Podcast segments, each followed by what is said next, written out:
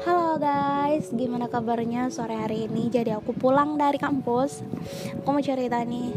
Pernah gak sih kalian tuh sebel banget kalau jalanan macet banget Dan panasnya minta ampun? Oke, sekarang gue ngerasain itu. Tapi kita gak fokus ke situ. Kalian tuh harus bisa ambil hikmahnya. Apa ya? Kita tuh belajar kesebaran kita belajar tentang arti perjuangan kita belajar tentang arti apa ya meredahkan ego mengendalikan ego kita. Jadi di kemacetan itu ya banyak banget. Kalau kita sadar banyak banget pelajaran yang bisa kita petik. Jadi jangan emosian yang bagi kalian yang lagi berjuang sekolah anak SD SMP SMA atau kuliahan yang mungkin lagi sebel banget menghadapi kemacetan. Jangan uh, pokoknya kalian harus tetap semangat karena insya Allah deh kalian pasti akan menuai kesuksesan kalian oke okay?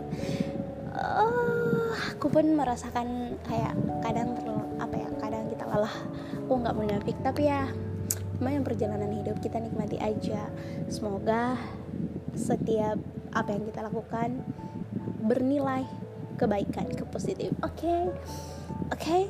jangan oh iya kalau kalian jangan lupa kalian untuk DM aku di Mulyana Smart Double T. Follow juga Instagram aku itu. Kalau kalian misalnya mau bertanya-tanya tentang itu tentang apa pun itu silahkan. Aku seberusaha mungkin untuk menjawabnya. Bye bye love you.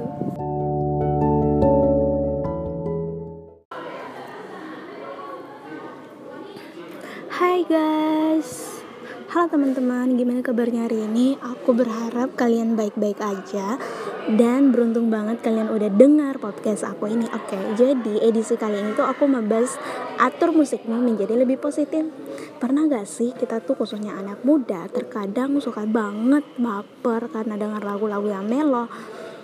Sebenarnya nggak salah kalau kalian mau dengar lagu melo, galau atau sedih tapi nggak bagus kalau misalnya keseringan banget ya guys. Karena secara tidak langsung itu tuh akan yang kayak mempengaruhi suasana hati kita.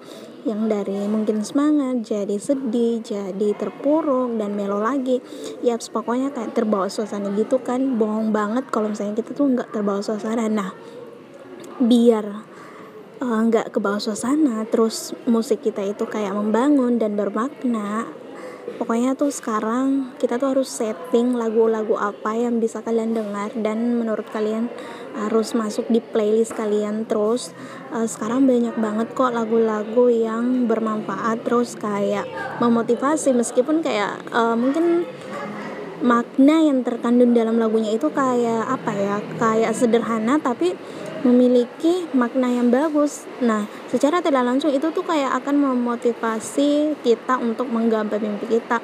Pokoknya sayang banget kalau misalnya nih guys, uh, usia muda kita apalagi kalau misalnya kalian di umur 15 sampai 25 terus kalian hanya fokus ke cinta-cintaan, galau-galauan, sedih tentang patah hati dan lain sebagainya itu tuh sayang banget karena banyak banget hal-hal positif yang harusnya kita bangun yang harusnya kita apa ya rintis dari sekarang. Karena sebaik-baiknya manusia itu adalah bermanfaat bagi orang lain. Jadi kalian tuh harus kayak open minded harus berpikir ke depan bagusnya kayak gimana.